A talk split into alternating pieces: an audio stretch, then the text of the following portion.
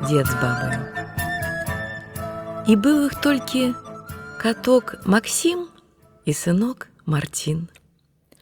Каток разумны быў, вясёлы, а Марцін усё на печы ляжаў, ты ў попел гуляў. Так ты і дзед з бабы жылі жылі, ды да памерлі. Астаўся толь Марцін і Максім. Хата тая ўжо зусім згніла без дагляду, развалілася, адна печ пасярод вуліцы стаіць, а на ёй гэты Марцін ляжыць. Ляжаў ён так ляжаў, а тады нешта надумаўся. Кажа коцік: « Ідзітка ты у горад і засватай там мне царскую дачку. Ай, кажа коцік, А што ты надумаўся? Ты ўжо тут гаварыць нават па-чалавечы не можаш толькі са мной пакашэчы. Якую я табе царскую дачку засватаю. А Марцін упёрся, не кажа, сватай я табе кажу. Ну, сабраўся той кот Максіму дарогу, таму Марціну ежу всякай нацягаў на тую печку, вадзічкі прывалок у чарапіне і пайшоў.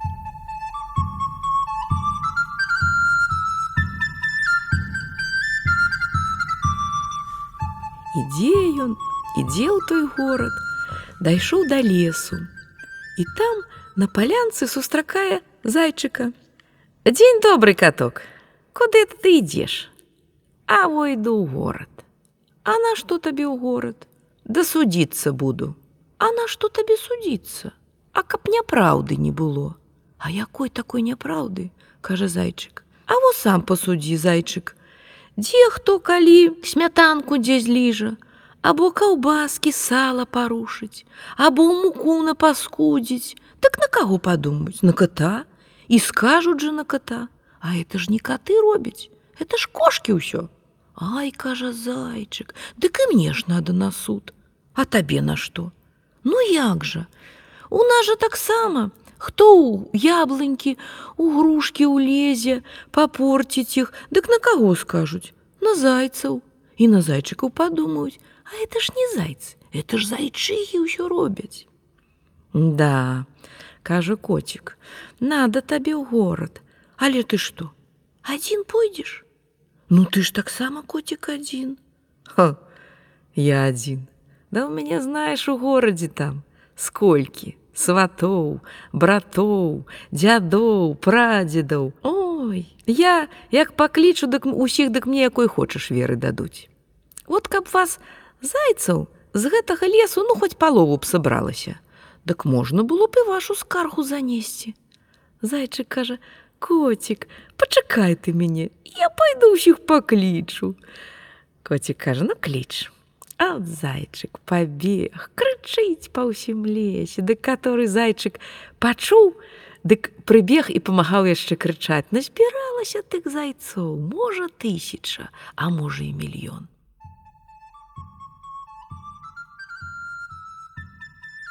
Як пайшлі яны у той горад, дык сваімі капыцамі карэнні ў дрэўсе паўбівалі і дрэвы там высохлі, больш там лесу не было.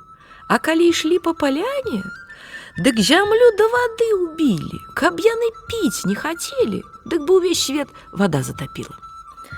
Ну вот прыйшлі яны да таго горада, да царскага палаца, а там хлявочак стаяў, коцік кажа: Зайчыкі, Я пакуль сваю скаргу занясу. А тады ўжо вас паклічу, а вы пакуль во тым хлявочку, пачакайце меня.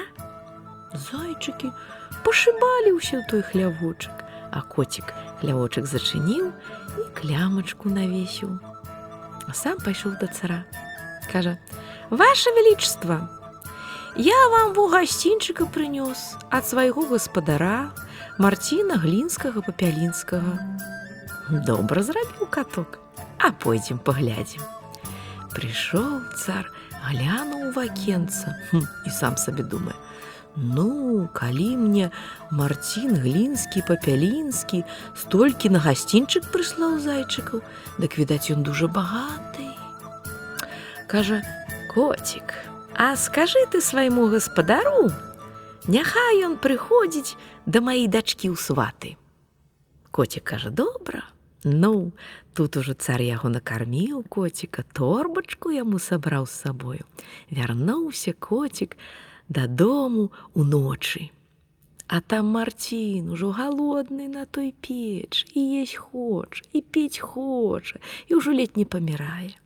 Тады той коцік перш-наперш кінуўся, нацягаў яму усякай ежы, нейк адкарміў гэтага Марціна, адпаіў яго. Тады кажа: « Ну збірайся, пойдзем ужо да цара ў сваты.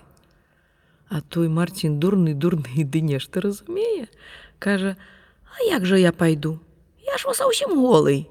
Максім кажа: « Ха, ты на мяне не крычы. Ты лепей попрасі, каб я ўхітрыўся і ўсё ў цябе будзе. Вот пашлі яны ноччу, Прыйшлі да таго горада, а там рака працякала, і на беразе той ракі войска начавала царская. А ў кожнага салдата там дзве шапкі, адна на галаве, а другая ў кішэні у запасе. Коцік тады пракраўся туды, дзе тыя салдаты спалі, усе ты запасныя шапкі пацягаў, у мехах спіхаў, тады кажа Марціну: « Во бачыш праз раку мост, станавіся на гэтым масце. Шапкі раскідвай па рацэ, ды па ратунку крычы, як зможаш. А сам коцік натаміўся, пайшоў да ракі напіцца. І бачыць, рак там поўзае, ухапіў таго рака за кляшню, кажа рак, скапай-ка ты мне гэты мост. А то я вас тут усіх пералаўлю. Рак кажа добра скапаю, коці кажа, но я ж табе не паверу. Узяў дроцік, прывязаў да кляшні ракавай, другі канец дроціка на беразе прымацаваў. Рак той хуценька мост скапаў, паплыў мост па рацэ. А Марцін той на мосце стаіць, шапкі раскідвае па вадзе і крычыць: ратуйце, ратуйце.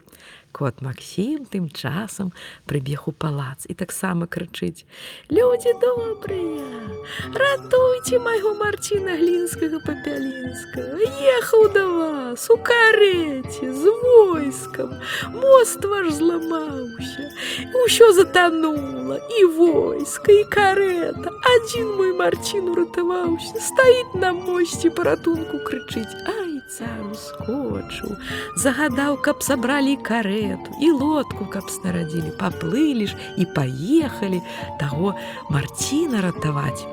І дачка царская адправілась, дужа ж ей цікава. От знялі таго Марціна ўжо з моста, Тады яго у банькі памылі, Тады хорашенька па-царску прыбралі, Дык ён і дужа прыгожа аказаўся. Царская дачка, як убачыла яго, дык адразу засаромілася, закахалася відаць. Скора тут і вяселле згулялі, доўга яны жылі, шчасліва, і кот Максім, дарэчы, быў у іх не ў абідзе.